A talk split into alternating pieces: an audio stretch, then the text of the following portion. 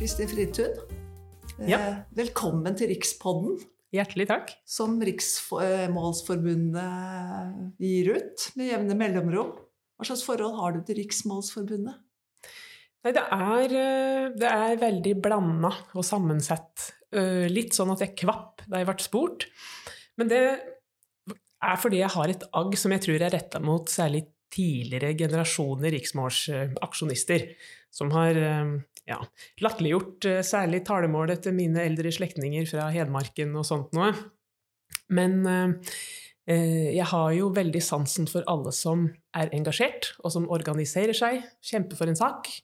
Og Målrørsla og Riksmålsforbundet har jo òg en del overlappende interesser når det gjelder å kjempe for godt språk, klarspråk, at norsk skal liksom, greie seg godt mot engelsk og sånt noe. Så eh, jeg landa lett på, på ja da, til å stille opp her.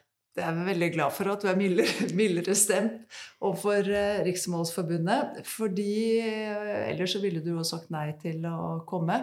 Og det du egentlig viser til, det er jo det som er tema i den boka som vi skal eh, snakke om nå, nemlig kunsten å irritere seg over skrivefeil. Hvorfor gjør vi det, og har det noe for seg? Mm. for seg. Og da sier jeg også at du skriver, altså du har skiftet fra ditt barndoms eh, bokmål til nynorsk. Vil du si et par ord om hvorfor du gjorde det òg? Ja, jeg tror um, Dette skjedde da jeg var, eh, hadde første året som student, så jeg var vel ja, rundt 19-årsdagen min. Så la jeg om.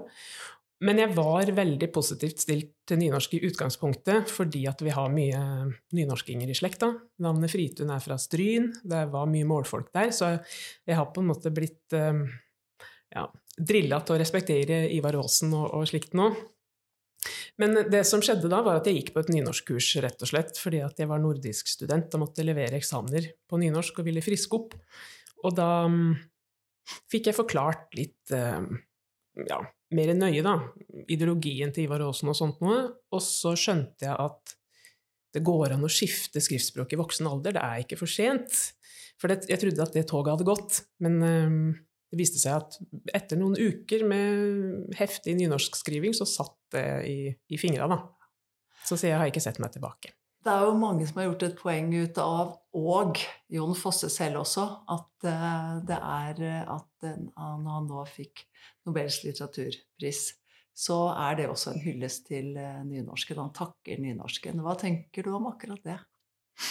Det er noe veldig stort. um, Og det er nå kanskje òg litt slik at en blir sterkere knytt til språket når det er et, et litt lite brukt språk i samfunnet som er litt, litt pressa, men um, kanskje flere nobelprisvinnere burde gjøre det òg. Sende en takk til, til språket. Sjøl om alle skjønner at det er jo Jon Fosse som har fått prisen, det er jo ikke vi nynorskbrukere ellers, da. Men det er en hyllest til nynorsken, og det merker man jo også veldig på at det blir lagt merke til når liksom det står skrevet om i engelske og amerikanske aviser, eh, og så er liksom nynorsk dukker opp som et, eh, et ord. Ja da, vi har sjansen her nå til å drive opplysning om hva nynorsk er, ja, ut i verden. Mm. Hva er det som gjør Jon Fosse så bra på nynorsk når det gjelder rent språklig? Du er jo språkviter, så dette skal du kunne svare på. Han har jo funnet veldig sin måte å skrive på, som kan være morsom å etterligne også, at det er noe helt eget. Og mm, så kan han peke på noen ting. Han er jo veldig kjent for at eh, han bruker komma, og i den septologien så eh, liksom, En leter forgjeves etter punktum, for eksempel. Og det kan en jo mene som er litt rart, men det er gjort på en veldig fin måte. Da. En savner ikke det punktumet egentlig, fordi at det komma um, ja, og det er jo helt spesielt, og det bryter jo med sånn vi lærer å skrive på skolen osv. Men uh, Så det er en veldig sånn egen måte å skrive på. Og så uh, har nå, i alle fall i de romanene jeg har lest, da et på en måte ganske sånn avgrensa vokabular. Men orda blir brukt igjen og igjen med små forskjeller, og det mm, skaper en eh, stilig effekt, da. Og noen kan det irritere. Og det er jo, Helt sikkert. ja, og det er jo irritasjonen, språket og irritasjonen vi skal, skal snakke, nå, snakke, om nå. Fordi pga. denne boka som du ga ut, som handler om kunsten å irritere seg over skrivefeil. Og jeg tenkte vi kunne begynne her med et, et Kristin Fritun, en Kristin Fritun-lov. Og den er som følge følger Du kan jo egentlig lese den selv. Jeg gir den til deg her. Ja. ja. Det er den uh, Alle diskusjonsforum, ikke sant? Yep. Alle diskusjonsforum med respekt for seg sjølve har diskusjonstråder om språk, og den lengste språktråden er alltid den som handler om språkdrag debattantene irriterer seg over. Den blir lang. Ja. Og hvorfor den Hvorfor blir diskusjoner om språk så hissige, fulle av irritasjon og langvarige? Ja, her har, er min konklusjon at det er veldig, veldig mange svar på det spørsmålet. Når det gjelder akkurat sånne tråder, da, så handler det jo de veldig ofte om hvilke konkrete språktrekk folk irriterer seg over. Og akkurat det der å liste opp ting vi irriterer oss over, det er jo en etablert sjanger, vil jeg si. Det, det gjør vi veldig lett. Sånn 'Å ja, det og det og det', og så ja, Det er jo innslag i aviser med jevne mellomrom. Se hvilke liksom, språkfeller du går i. Hva irriterer oss mest med språket? Ja. Ja. Så en ting er at vi er litt sånn drilla i det, men så handler det jo om at språket har så mange roller og kan bety så mye. Det er ikke bare liksom et si, kommunikasjonsmiddel. Altså åssen vi bruker språket, sier mye om oss, og vi kan Og vi har også helt sånn Automatisk så leser vi jo informasjon liksom, Åssen folk bruker språket Ja. Vi lager oss noen forestillinger om åssen de er, da, basert på åssen de skriver og ordlegger seg. Og så har særlig da skriftspråket, og det standardiserte skriftspråket, har høy status fortsatt. Sjøl om noen syns det liksom begynner å se dårlig ut, så er det gir fortsatt liksom, status og prestisje å kunne skrive rett og vite hva som er rett. Og vi vet at også det er lurt å kunne skrive rett. En gir et bedre førsteinntrykk om en kan det, så jeg ikke, sier ikke at vi skal skrote norskopplæring og, og sånt nå. Men um, det er jo sånn at fordi det gir litt status å vite hva som er rett, så kan en nå bruke sine språkkunnskaper til å posisjonere seg sosialt. Og vise at eh, 'jeg er flink', eller eh, 'jeg er smartere enn deg', eller ja. Vi driver med et litt sånn sosialt spill, da, ved hjelp av språket.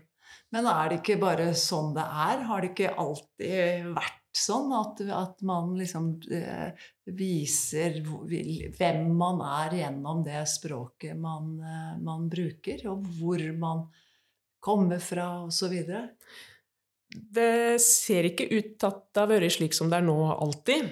En, um, i, i, boka så gjør jeg en liten tidsreise tilbake til sånn ca. år 1200.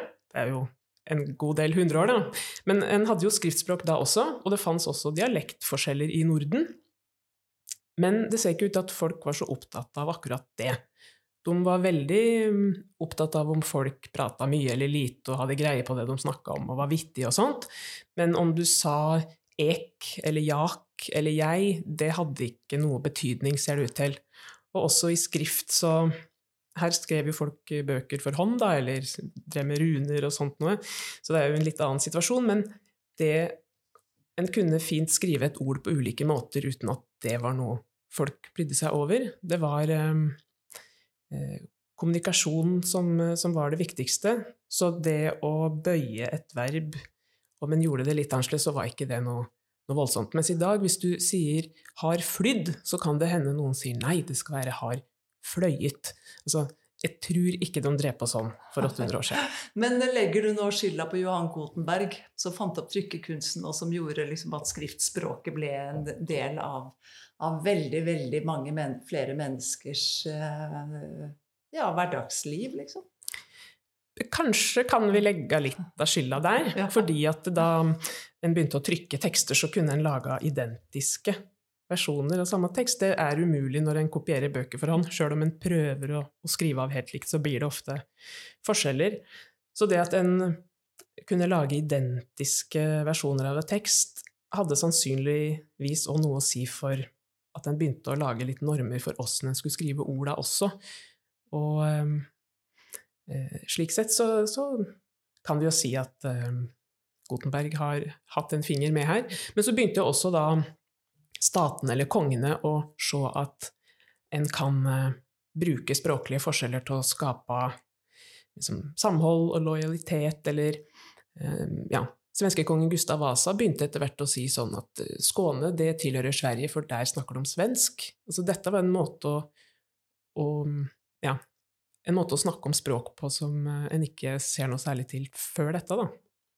Men det ser du, du, du skriver at vi er altså, Irritasjon er jo da et, et eh, sentralt ord i, i, denne boka di. Og så sier at vi irriterer oss Det er skriftspråket vi irriterer oss over. Vi er mye mer tolerante når det er liksom snakk om det muntlige språket eller om, om, dialekter. Ja, i alle fall her i landet så har de fleste høyere toleranse for variasjon i talespråk enn i skrift. Og nå må det sies at det fins veldig mange som også irriterer seg over, eller stusser, som vi kan si er, er steget før irritasjon, eh, stusser over eh, trekk i talemålet også, og som kan synes det er helt forferdelig å høre på radio for åssen folk snakker. Så, men jeg har lagt mest vekt på skrift da, i boka her, bare fordi jeg, jeg må jo avgrense på en eller annen måte. Det fins så mange språklige irritasjonsmoment. altså Dialekt på Facebook og engelske skilt i butikker. altså. Jeg måtte bare dra, dra streken en plass. Uh, vi er jo nå inne i den verden der liksom det på, på, mange måter er fritt frem å uttrykke at man er full av forakt overfor andres måte å uttrykke seg på. Eh, selv om du kaller det irritasjon, da, at man irriterer seg ikke full av frakt. Og så skriver man gjerne innlegg i aviser, og man syns at man kan liksom presentere hva man syns om dette her i aviser og sosiale medier. Eh, gjerne komme med veldig sånne rammende beskrivelser av navngitte forfattere som ignorante idioter og språklig helt på trynet og sånt noe. Eh, samtidig som man liksom da løfter seg frem, som du sier, som liksom litt smartere og mer kunnskapsrik enn den man snakker om. Men dette er jo egentlig litt sånn unorsk, er det ikke det? Å gjøre akkurat det. altså Det å liksom løfte seg opp selv og si at 'jeg er bedre enn deg' på et eller annet vis. Vi, hvorfor er det akkurat innenfor språk at vi blir så friske fra sparket? Nei, det, det, tror jeg kanskje du har et vel så godt uh, svar på som, uh, som jeg. Jeg, jo, jeg, var nå i kontakt med en del uh, psykologer mens jeg jobba med denne boka, for å tenke at dette handler ikke bare om, om språk eller lingvistikk, det er også noe psykologi og sånn inn her. Og jeg mente jo at dette her med å påpeke at andre gjør feil, kan være det som kalles hva var det, vikarierende behovtilfredsstillelse. At folk først og fremst har behov for å føle seg viktige, og så blir språket en arena der en kan liksom få leve ut det, da, i og med at uh, der fins det rett og feil. Og uh, jeg skriver også litt i boka da, om den herre uh, valfridommen i norsk, for den er jo litt spesiell. At det, det er lov å, å, skrive et ord på ulike måter og sånt noe.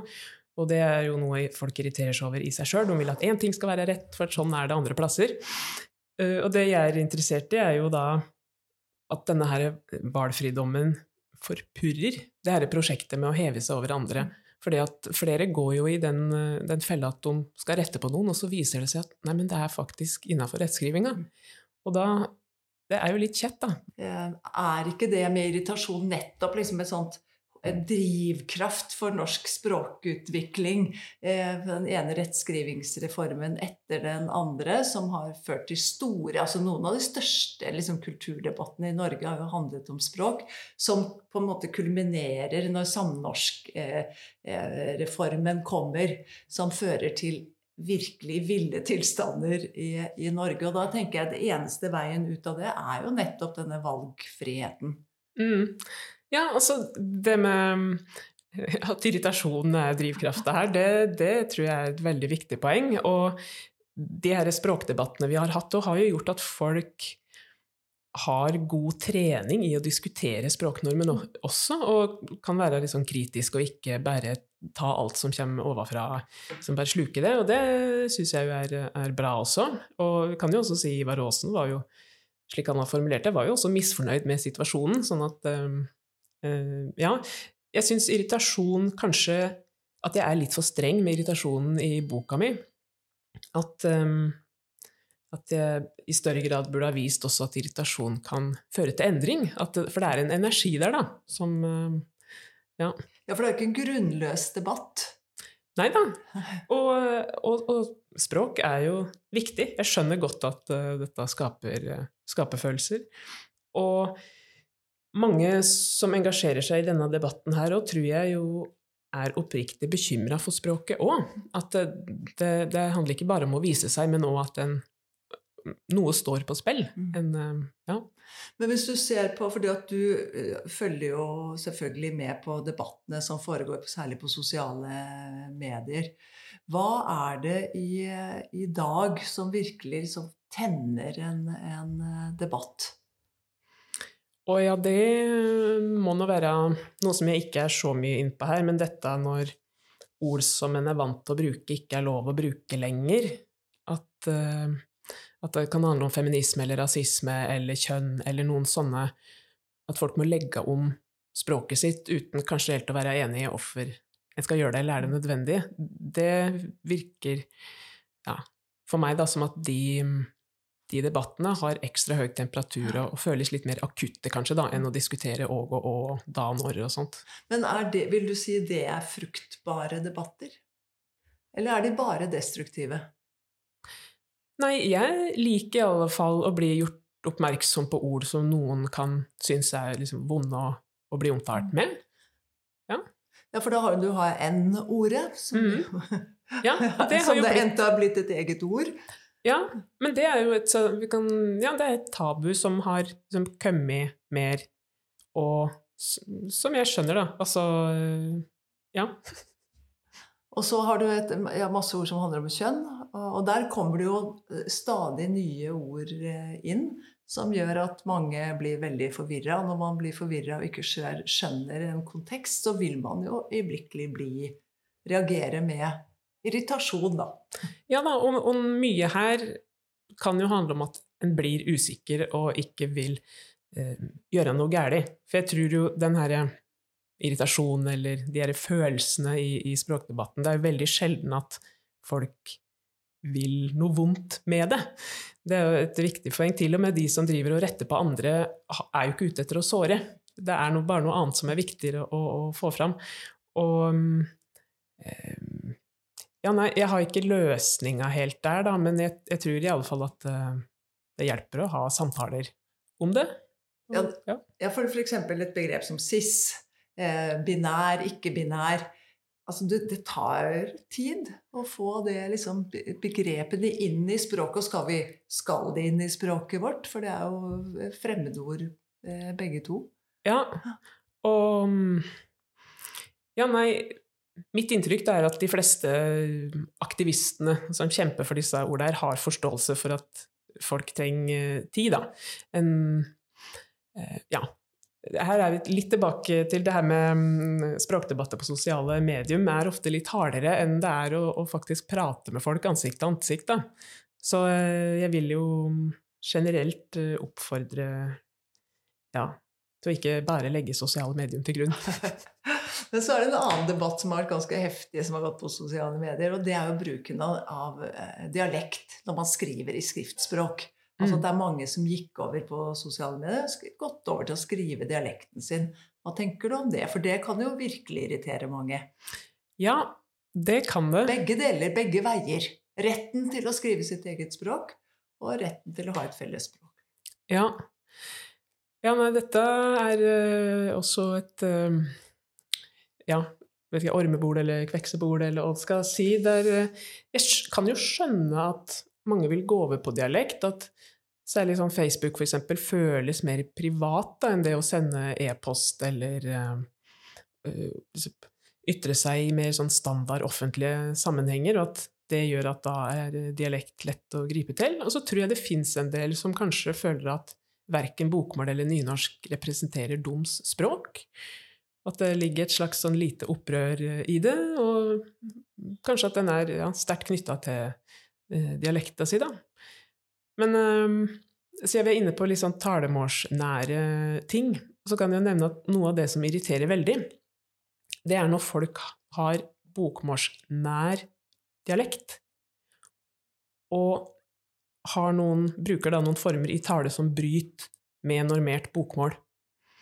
Fordi at Jeg skal ta noen eksempler, men fordi at da har lytteren liksom aktivert bokmålsgrammatikken inni huet sitt, og så kommer det et brudd. For eksempel 'jeg snakket med de', 'jeg skal gi det til hun'. Sånne ting. Mens hvis det står 'jeg skal gi det til ho' på nynorsk, så går det greit. Eller 'jeg snakka med dum'. Altså, jeg sier jo 'dum' både som subjekt og objekt, det går bra. Men hvis, ja, hvis en person har en bokmålsnær dialekt og har noen avvikende trekk, så tror jeg det blir slått veldig hardt ned på. Sånn at på noen måter da, så er det en fordel å ha en dialekt som ligger litt unna bokmål. Da kan en slippe Ja, unna for da kommer riksmålsfolket nemlig og sier at det heter de og dem og hun og henne og Trenger slett ikke være riksmålsfolk. Men ja. Ja da, så det er ei lang liste der, ja. Mm. Du har en Jeg vet ikke om det er, er Kristins eh, lov også, med Murphys lov eller uh, Muffrys lov? M- m- ja. Jeg vet ikke hvordan man skal si det. Lov. Ja. Ja, den er jo humoristisk spill da, på Murphys lov, ja. om at alt som kan gå galt, kommer til å gå galt. Og den Mupfreeze handler om rettskriving, og sier at alle tekster som handler om rettskriving, kommer til å ha minst én skrivefeil. Slikt ser en ofte i de her eh, diskusjonstrådene i debattforum da, om språk, at ofte så skal en arrestere noen, og så, blir det, så har en en feil i sitt eget innlegg. Og det, det var noen trykkfeil i førsteopplaget på boka mi også. Så Det var det. ja da, vi, vi jobba og jobba for å få Ja. den Det skjer alltid, altså. Men Kristin Fritun, eh, du har altså skrevet, gitt ut bøker siden Du er jo altså språk... Først var du skihopper. Ja. Det sluttet du med. Og så, jeg vet ikke om det skjedde omtrent samtidig med at du begynte å holdt vel på på universitetet noen år før du slutta å hoppe på ski, kanskje? Eh, litt mer sånn på hobbybasis. Hoppa i juleferien og sånt. Det var ikke så veldig, ikke så veldig Hvor langt hoppa du? Rekorden min, som ikke imponerer folk som kan litt om skihopping, den er 110 meter i Lysgårds, Store Lysgårdsbakken. Og da hadde jeg god fart. Og rekorden der er jeg vet ikke, 140 et eller annet. Ja. Så jeg kunne hoppa lenger. Men du var, hadde glede av å hoppe på ski. Ja. Og så var det litt for skummelt for meg. Og da, etter de 110 meterne, så ga, ga du opp? Ja. Eh, Jeg ville heller sitte hjemme og skrive, for Ja, men du var med i norgesmesterskap og Ja, Det er det som var veldig greit den gangen, var at vi var så få kvinner som hoppa. Så det var liksom Tør du å hoppe i den bakken? Kan du være med på landslaget? Så det var veldig greit uttak, sånn sett. Og så kastet du deg over eh, språkstudiene. Mm. Eh, Og, og både norrøn litteratur og litt latin òg. Og så, hva skal man si, at du har endt opp som forfatter? Er det Ja. Det er det jeg driver med. Jeg har vært frilanser i elleve år nå. Og det er å skrive bøker som er det jeg er interessert i, og artikler, og drive sånn formidling og, og sånt noe. Ja. Så eh, nå kan ikke se for meg å drive med noe annet. Nei, og du har fått en haug med priser. Eh, Språkrådets språkpris i 2019, Bokhandlernes, sak, bokhandlernes eh, sakprosapris, Språklederpris. Og det med, med språklederpris, det tenker jeg det er Det bør jo du eh, få bare med titlene på bøkene dine. Eh, Den første boka du ga ut, heter 'Norsk etymologisk oppkok'. Ja. Blir du glad når du finner sånne Nynorsk for dumskalaer? Min bestselger. Er det bestselgeren? Ja. Og hvorfor er den det? Blir brukt mye i skolen og av eh, norsklærerstudenter, tror jeg. Kom i revidert utgave i høst. Ja, og kort fortalt Man er mindre dumskalle etter å ha lest den boka. Ja, det er nå en innføringsbok i nynorsk. Rett og slett. Så er det kjønn og ukjønn. ordhistoriske essay. Den er kanskje ikke så oppsiktsvekkende eh, i tittelen sin. 'Homo flokar norsk eiendom'. Ja. Pamflett om synet på homoseksualitet før og nå. Ja. Og du er skeiv selv. Det, står på, det kaller du deg på hjemmesider. Ordet skeiv. Ja. Er det et fint ord, syns du? Ja, og dette har jeg og Entel skrevet i ei lita bok om nå nylig. Eh, jeg liker det ordet. Jeg liker også f.eks. lesbisk og homo, altså. Det er bare å kjøre på for min del. Men jeg syns skeiv er eh, fint jeg kan også forstå de som syns at det er litt utvatna og har mista de skarpe kanta sine og sånt, men det femner ganske mange, da. Det kan være praktisk av og til. Mm. Så kom 'Språket er ei bukse'. Og det, det er en undertittel der òg om billedbruken i norsk språkdebatt. Og da Mm. begynner du å virkelig å nærme deg liksom språkdebattene, skjønner jeg, med den boka der. Ja, da prøver jeg å se hvilke bilder eller metaforer bruker vi For det er vi nødt til å bruke når vi snakker om språk.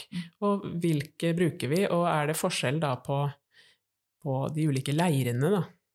Og den boka her med 'Kunsten å irritere seg over skrivefeil' er på et vis eh, hva det heter, en slags sånn spin-off fra den bukseboka. fordi at da brukte jeg mye tid i sånne debattforum og, og la merke til denne irritasjonen. Ja, For du, du kaller det irritasjon, og så bruker du ganske lang tid, lang tid i, i, den boka til å, å definere det begrepet. Hva er egentlig irritasjon, og hvorfor oppstår irritasjon i forbindelse med, med språkdebatter?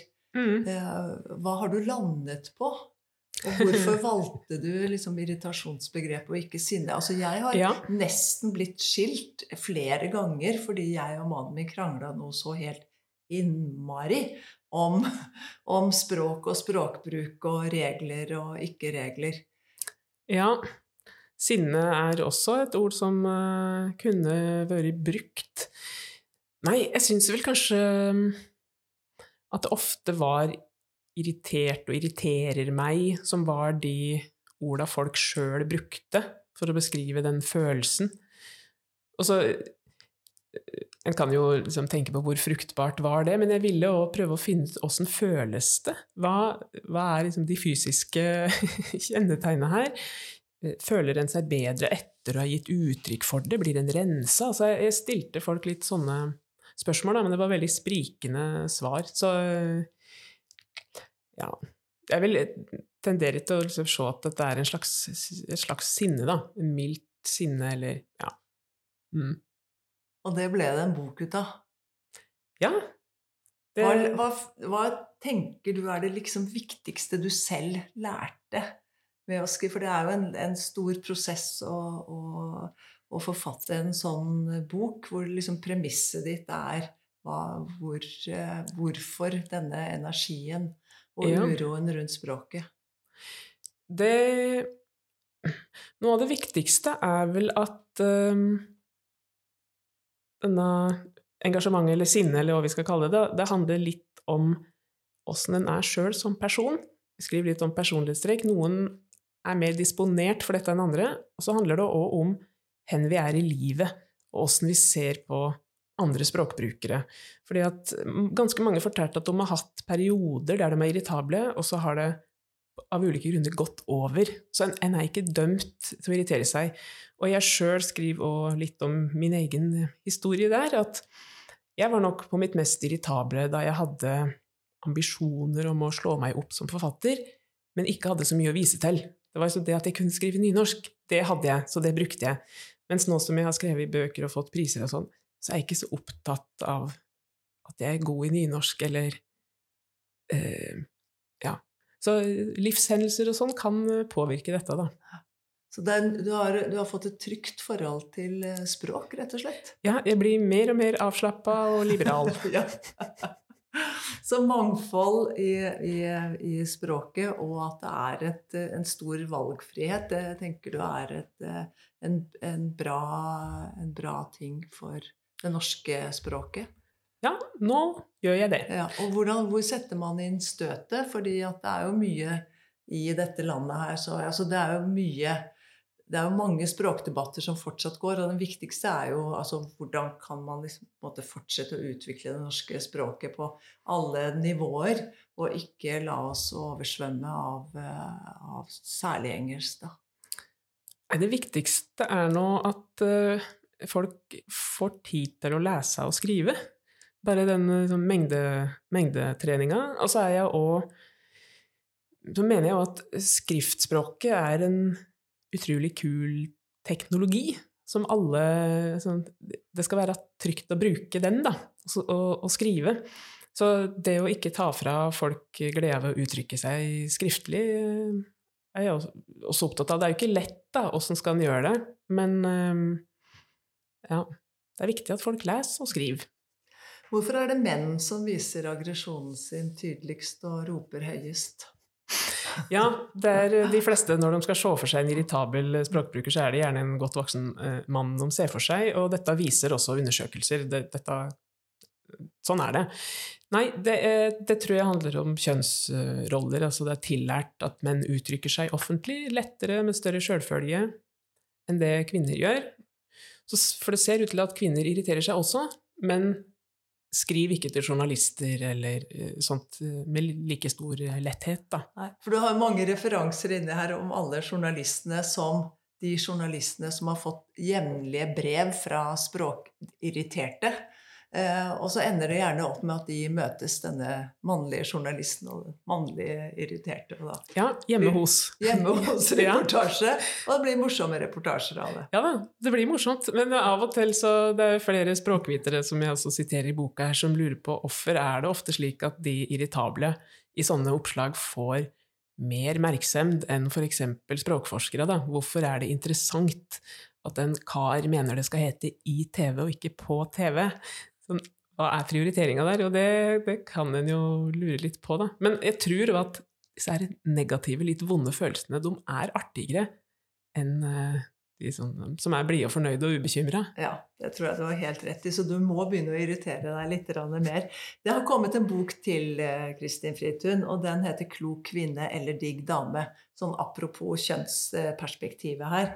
For det er et, et stridsskrift, som du kaller det, om kjønn og Håvamål-omsetning. Hva det er ganske interessant, for jeg har eh, i det siste fulgt litt med i oversettingene av, av eh, Homer.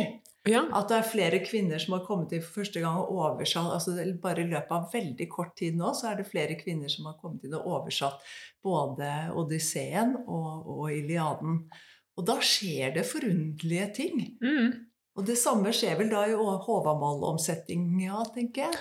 Ja, jeg fikk motet til å skrive om dette etter de her eh, Homer-sakene, at jeg ble kjent med dem. Og den boka der må jeg innrømme er et produkt av min egen irritasjon, fordi at jeg for flere år siden la merke til at det var særlig noen adjektiv som jeg syns de norske omsettere hadde ja,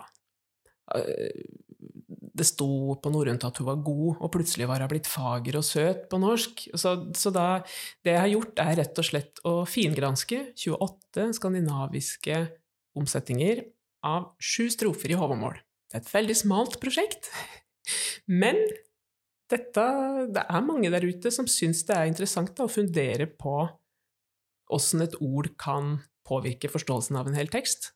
Ja. Ja, for i, i, i eh, oversetningene av, av, Homer da, så er f.eks. ordet 'mann' eh, så En mann reiser ut. Men, eller husbond. eller så kan du bruke begrepet husbond, som de kvinnelige oversetterne har, har, brukt. Og da, hva skjer når du går fra begrepet 'mann' til å si at du er en husbond? Hva skjer da, tenker du? Jeg ser jo for meg en mann som har eh, sånn, en litt klar rolle og noen ansvarsområder, og det er ikke bare en, en mann sånn generelt, uh, halve jordens befolkning, men det er en, en mann som uh, er gift og kanskje har noen unger og en husholdning som han da uh, forlater. Så jeg ser nå, i hvert fall jeg ser litt klarere for meg en spesifikk type mann, da. Og hva det betyr at han drar av gårde, kanskje. Eh, men jeg lurer på, jeg, Kristin, når vi liksom avslutter dette her nå, at dette egentlig er blitt en slags hyllest til irritasjonen? Ja, men det kan det være. Jeg bare håper at folk har fått et mer reflektert syn på sin egen irritasjon. Så kan de gå ut og drive med bevisst irritasjon. Ja. ja. Og boka har, som vi har snakket om, heter altså 'Kunsten å irritere seg over skrivefeil'. Kvifor gjør vi det, og har det noe for seg? Og det har det altså. Eh, takk skal du ha, Kristin Fridtun, for at du kom hit til eh, Rikspodden. Og jeg heter Agnes Moxnes. Takk. Rikspodden kommer på luften med sjenerøs støtte fra Tor Dahls kulturbibliotek, Bergesen-stiftelsen og Fritt Ord.